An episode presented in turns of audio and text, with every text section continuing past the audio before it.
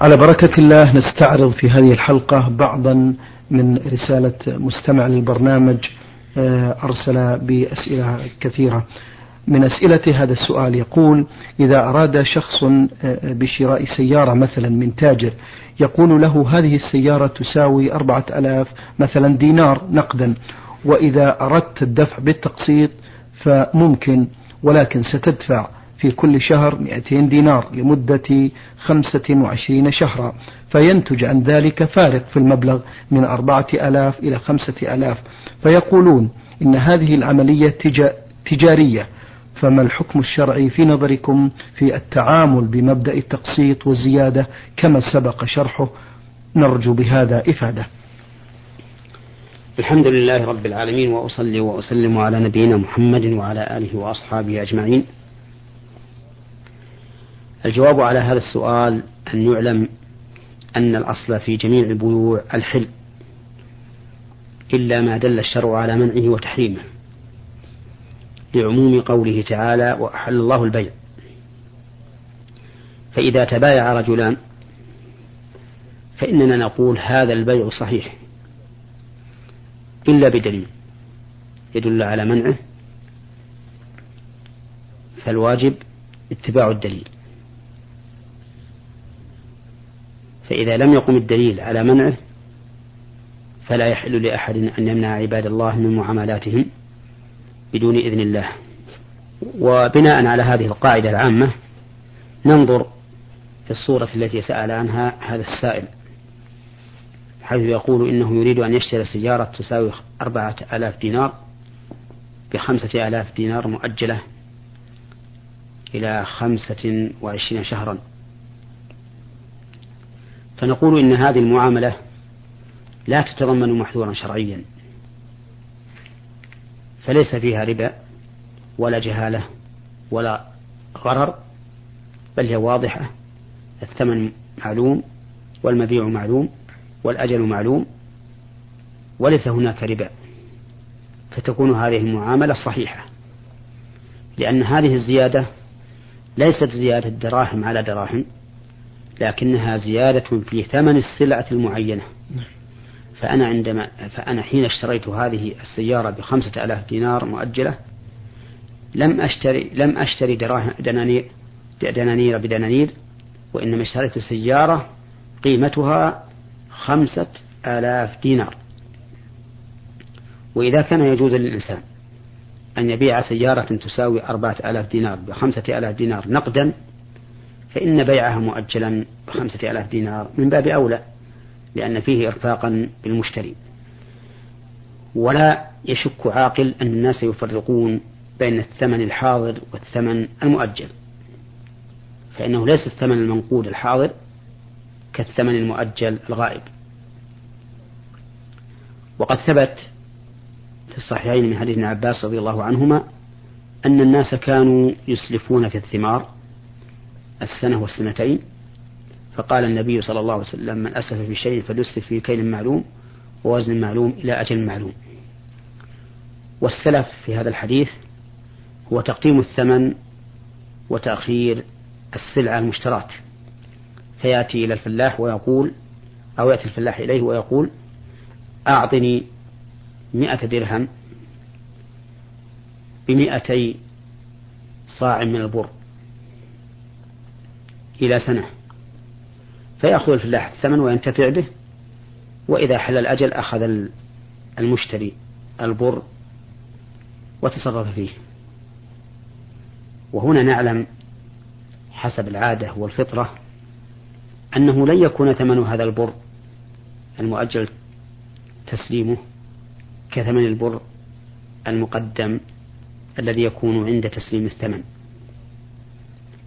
بل سيكون البر في هذه الصورة عن البر المؤجل أكثر من البر الذي يعطى عند استلام الثمن. فإذا كان الصاع من البر يساوي درهمين نقدا فإنه يكون بدرهمين إلا قليلا إذا كان البر مؤجلا. وهذا أمر تقتضيه العادة والفطرة. ولا فرق في هذا ولا فرق بين هذا وبين الصورة التي قالها السائل. نعم. فإن هذا تأجيل للمثمن والصورة التي قالها السائل تأجيل للثمن. وقد ظن بعض الناس أن هذا من باب من باب الربا. ولكن هذا ليس بصواب. فإنه من باب الربا لو اشترى السيارة بأربعة آلاف دينار ثم رجع إلى البائع وقال ليس عندي أربعة آلاف دينار وأريد أن تنظرني إلى سنة بخمسة آلاف دينار فهذا لا شك أنه ربا. ولا يحل أما إذا كان عقد على السيارة من أول الأمر بخمسة آلاف دينار مؤجلة فهذا لا بأس به. ولكن يبقى النظر ماذا أراد المشتري لهذه السيارة بهذا الشراء. إن كان أراد السيارة بعينها فلا شك في جوازه. حتى إن بعض العلماء حكى الإجماع على ذلك. أما إذا كان يريد ثمن السيارة أي أنه يريد أن يأخذ السيارة الآن ثم يبيعها لينتفع بثمنها فهذه مسألة التورق وفيها خلاف بين أهل العلم. فمن أهل العلم من أجازها نظرا لصورة العقد ومنهم من منعها نظرا للقصد. ولكننا نقول هذا الرجل الذي اشترى السيارة من أجل ثمنها إن باعها على بائعها فهذا بلا شك حرام. إذا باعها بأقل مما اشتراها به. لأن هذه هي مسألة العينة وهي حيلة ظاهرة على الربا. يعني لو اشتريت هذا السلع هذه السيارة من الرجل بخمسة آلاف دينار. ثم عدت وبعتها عليه بأربعة آلاف وخمسمائة نقدا. كان ذلك حراما لأنه في الواقع دراهم بدراهم دخلت بينهما سيارة غير مقصودة. نعم. لكن إذا بعتها من شخص على شخص آخر.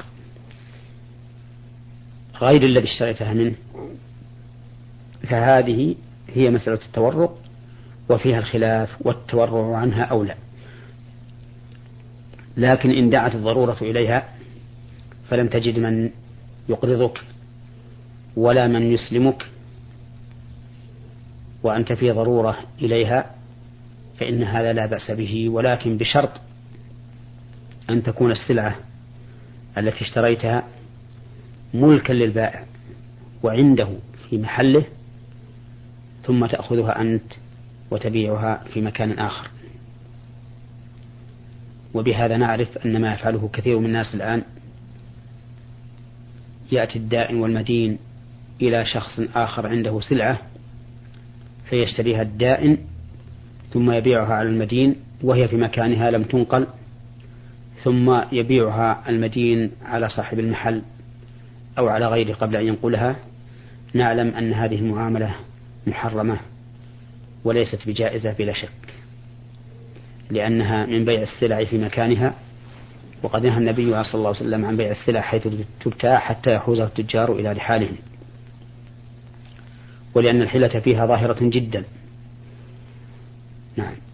بارك الله فيكم.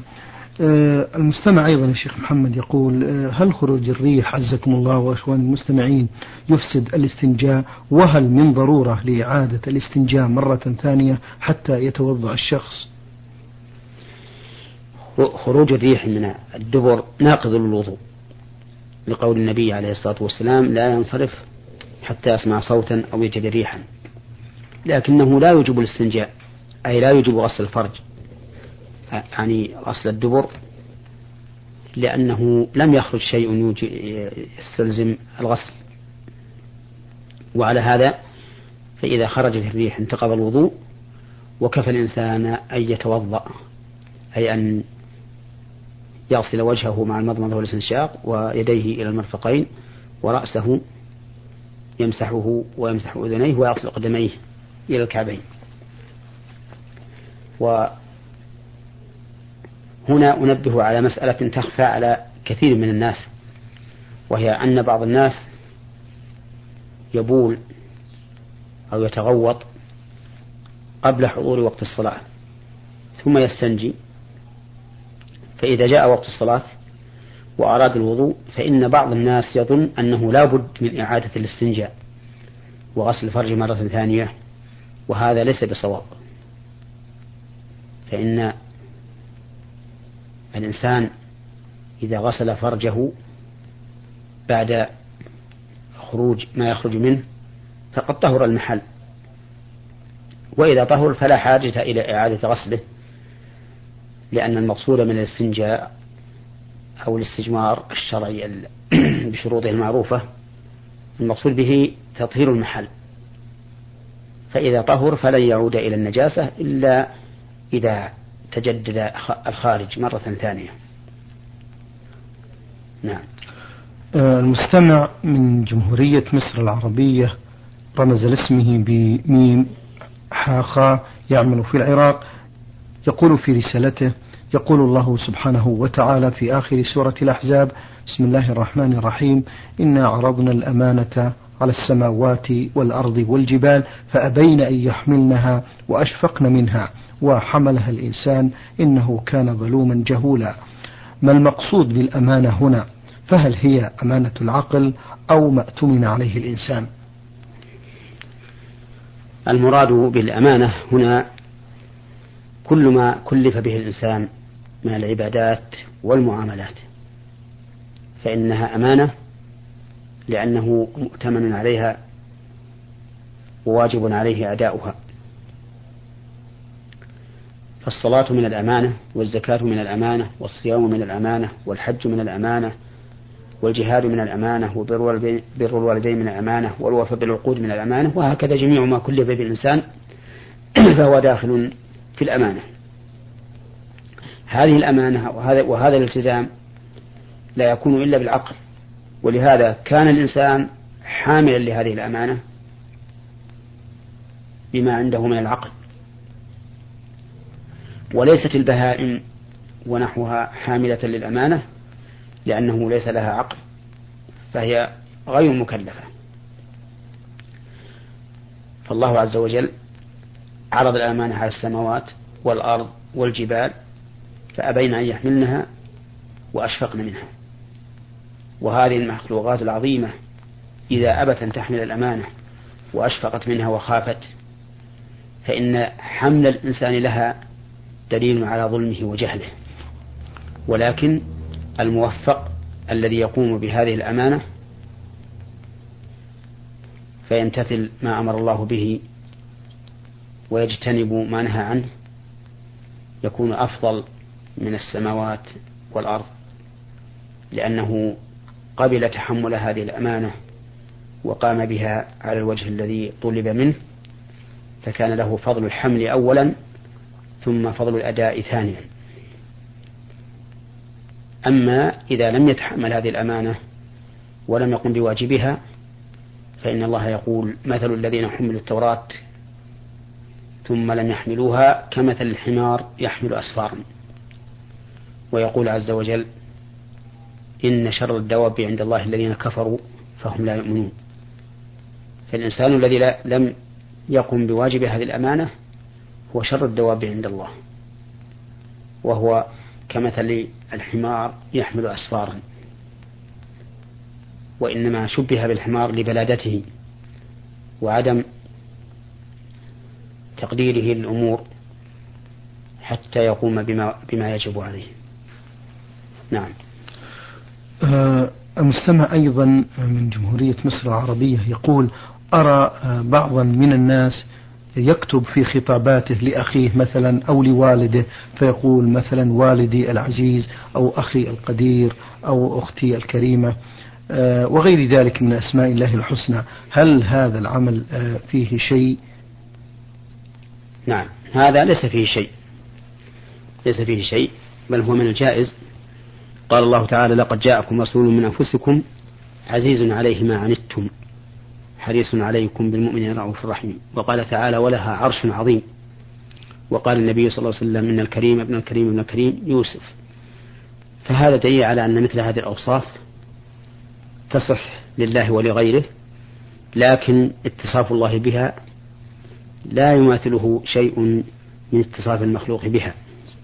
فإن صفات الخالق تليق به وصفات المخلوق تليق به. وقول هذا وقول القائل لأبيه أو أمه أو صديقه العزيز يعني أنك عزيز علي عزيز علي غال عندي وما أشبه ذلك. ولا يقصد بها أبدا الصفة التي تكون لله وهي العزة التي لا لا يقره في بها أحد. وإنما يريد أنك عزيز علي وغال علي وما أشبه ذلك. نعم. طيب. يقول المستمع أيضا كنت أعمل في بمزرعة وعندما جاء رمضان قال لي صاحبها أنت مخير بين أمرين آه، إما أن تفطر وتستمر في عملك وإما أن تترك العمل إذا لم تفطر. ولذلك أفطرت عشرة أيام من رمضان. ما حكم الشرع في نظركم في, ذا في هذا؟ وهل يصح لي أن أعيد هذه الأيام؟ لا يجوز للإنسان أن يدع فرائض الله من أجل تهديد عباد الله. بل الواجب على الإنسان أن يقوم بالفرائض ومن يتق الله يجعل له مخرجا ويرزقه من حيث لا يحتسب. أرأيت لو قال لك لا تصلي فإن صليت فلا تعمل عندي هل تطيعه في ذلك؟ لا شك أنك لا تطيعه. نعم. وهكذا جميع الفرائض التي فرض الله عليك لا يحل لك أن تدعها بتهديد غيرك بمنع العمل إذا لم إذا قمت بها. ونقول مرة ثانية لهذا الذي استأجر هذا العامل إن الذي يليق بك وأنت رجل مسلم أن تعينه على طاعة الله من الصلاة والصيام وغيرها من العبادات التي يقوم بها هذا العامل مع وفائه بالعقد الذي بينك وبينه. فإنك إذا فعلت ذلك فقد أعنته على البر والتقوى. والمعين على البر والتقوى كالفاعل. كما قال النبي عليه الصلاة والسلام من جهز غازيا فقد غزا ومن خلفه في أهله بخير فقد غزا. فأنت يا أخي اتق الله تعالى في هؤلاء العمال ولا تحرم من فضل الله عز وجل الذي لا لا يمنع العمل ولا ينقصه بل إن هذا قد يكون سببا لبركة العمل. وأضيف إلى هذا أنه كثرة الشكاوى من العمال في مكفولهم حيث إن بعض الكفلاء نسأل الله لهم لنا ولهم الهداية يؤذون المكفول ويماطلونه بحقه ربما يبقى شهرين أو ثلاثة أو أربعة لم يسلمه حقه. بل ربما ينكر ذلك أحيانا. وقد جاء في الحديث عن النبي عليه الصلاة والسلام أن الله تعالى قال ثلاثة أنا خصمهم يوم القيامة رجل أعطى بي ثم غدر ورجل باع حرا فأكل ثمنه ورجل استأجر أجيرا فاستوفى منه ولم يعطه حقه. ثم ليتق الله عز وجل في هؤلاء الفقراء المساكين. الذين جاءوا يريدون لقمة العيش في, في هذه البلاد فيماطلهم بحقهم شهرين ثلاثة أربعة أكثر من ذلك وهم في حاجة وأهلهم قد يكونون في ضرورة. نعم. بارك الله فيكم. المستمع من جمهورية مصر العربية يعمل بالعراق يقول كنت أعمل بأحد المطاعم وبعد مدة شهر طلب مني صاحب المطعم أن أذهب إلى الخمارة لأشتري له مشروبا مسكرا. ولما رفضت هددني بأنه لم يعطني أجري إلا إذا أحضرت له هذا الشراب المسكر. ولذلك ذهبت واشتريت له مضطرا. ما حكم الشرع في نظركم أيضا في هذه الحالة؟ جواب هذا السؤال يفهم من الجواب السابق. فكما أنه لا يجوز للعامل أن يطيع صاحب العمل في ترك الفرائض فإنه لا يجوز للعامل أن يطيع صاحب العمل في فعل المحرم فالواجب عليك في مثل هذه الحال أن تمنع وتمانع ولا تذهب فتشتري فتشتري له الخمر مهما كان. حتى وإن فصلك من العمل فرزق الله تعالى واسع ومن ترك شيئا لله عوضه الله خيرا منه. ومن يتق الله يجعل له مخرجا ويرزقه من حيث لا يحتسب. ومن يتق الله يجعل له من أمره يسرا.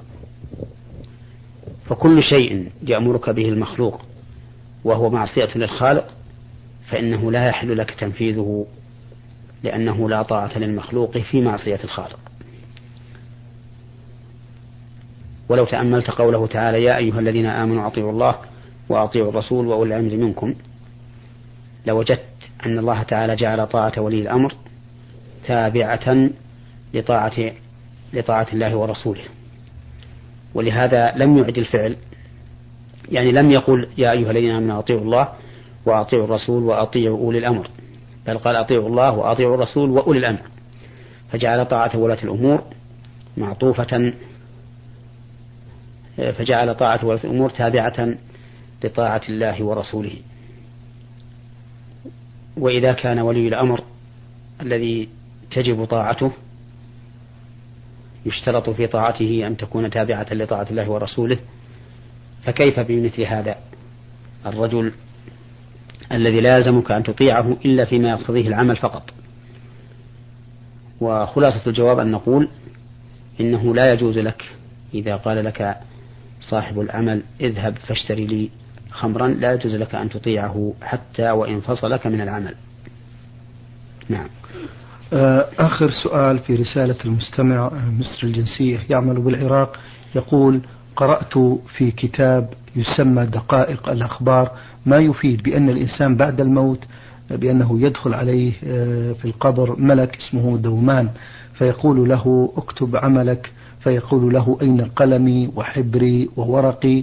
فيمسك سبابة يده اليمنى ويقول هذا قلمك ويشير إلى فمه ويقول من هنا حبرك. ويقطع قطعة من جلد من جلد يده ويقول هذا آه، ورقك. وروى الكثير وروي الكثير مما يحدث بعد الموت مثل استئذان الروح من ربها بعد أسبوع وتعود إلى البيت التي كانت تعيش فيه. هل هذا صحيح؟ وهل هناك ما يثبت ذلك من القرآن والسنة؟ نعم. هذا غير صحيح. بل هو باطل. والأمور الغيبية, والأمور الغيبية لا يجوز الاعتماد على شيء لم يثبت فيها عن الله ورسوله لأن الأمور الغيبية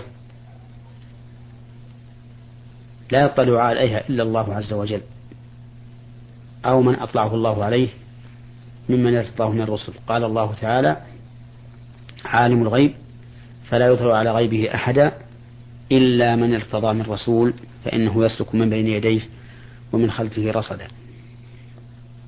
وما ذكره مما يكون للإنسان بعد موته فهو باطل لا أصل له. وإني أحذر أخي السائل من قراءة مثل هذه الكتب وما أكثر أنواعها في في الوعظ والترغيب والترهيب. فإن كثيرا من الكتب المصنفة في الوعظ والترغيب والترهيب فيها أحاديث أحاديث لا زمام لها وإنما يقصد واضعوها أن يقووا رغبة الناس أو رهبتهم وهذا خطأ. خطأ أرجو الله تعالى أن يعفو عنهم إذا كان صادرا عن حسن نية.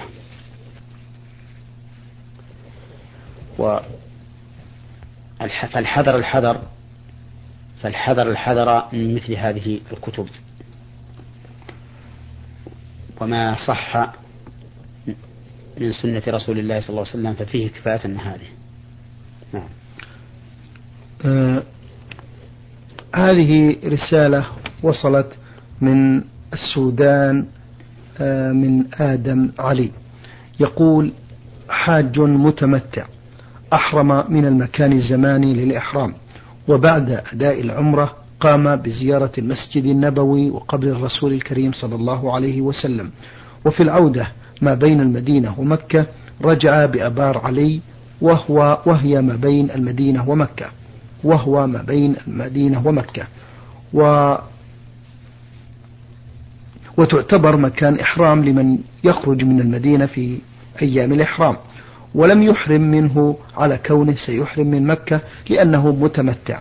ما الحكم؟ في عدم إحرامه بمروره بالعبار هل عليه هدي علما بأنه متمتع وسيذبح هدي وسيذبح هدي في أيام التشريق بمنى على كونه متمتع؟ رسول الله صلى الله عليه وسلم وقت المواقيت وقال هن لهن ولمن مر عليهن من غير أهلهن ممن يريد الحج أو العمرة. فإذا مررت بالميقات وأنت تريد الحج أو العمرة فإن الواجب عليك أن تحرم منه وأن لا تتجاوزه. وبناء على هذا فإن المشروع في حق هذا الرجل أن يحرم من أبيار علي أي من ذي الحليفة حين رجع من, من المدينة لأنه راجع بنية الحج فيكون مارا بميقات وهو يريد الحج نعم. فيلزمه الإحرام. فإذا لم يفعل فالمعروف عند أهل العلم أن من ترك واجبا من واجبات الحج فعليه فدية يذبحها في مكة ويوزعها على الفقراء. نعم. المستمع آه، آدم من السودان يقول عندما كنت منتدبا بالجمهورية العربية اليمنية شاهدت معظم السكان بالريف لديهم بركة ماء بجانب المسجد وتابعة آه، للمسجد يتوضأ آه، بداخلها هؤلاء ويسبحون بداخلها. علما بأن الماء الذي بداخلها قد تغير لونه وطعمه ورائحته ويقولون بأن هناك قدرا من الماء يمكن للإنسان الوضوء فيه. السؤال ما هي نصيحتكم لهم؟ نقول إن هذا الماء الذي في البركة إذا كان دائما لا يجري فإن النبي صلى الله عليه وسلم نهى عن الاغتسال, فيه. فقال لا يغتسل أحدكم في الماء الدائم الذي لا يجري. لأن الاغتسال في هذا الماء الدائم الذي لا يجري يجعله وسخا. وربما يكون في الإنسان أمراض تؤثر على غيره. فنصيحتي لهؤلاء أن يتجنبوا هذا العمل الذي يعملونه في هذا الماء الدائم الراكد الذي لا يتغير الذي لا يجري وكذلك ربما يكون منهم كشف للعورة فيكون هذا إثما ظاهرا لأنه لا يحل للإنسان أن يكشف عورته لأحد من الناس ليراها وبإمكانهم أن يجعلوا هناك حمامات وخزانا فوق هذه الحمامات يتوضؤون منه ويغتسلون. نعم. أخوتنا المستمعين الكرام آه، كان لقاؤنا مع فضيلة الشيخ محمد بن صالح بن عثيمين الأستاذ بكلية الشريعة بالقصيم وخطيب وإمام الجامع الكبير بمدينة عنيزة. آه، شكر الله لفضيلته وشكرا لكم أنتم إخوتنا الأكارم على حسن المتابعة. إلى الملتقى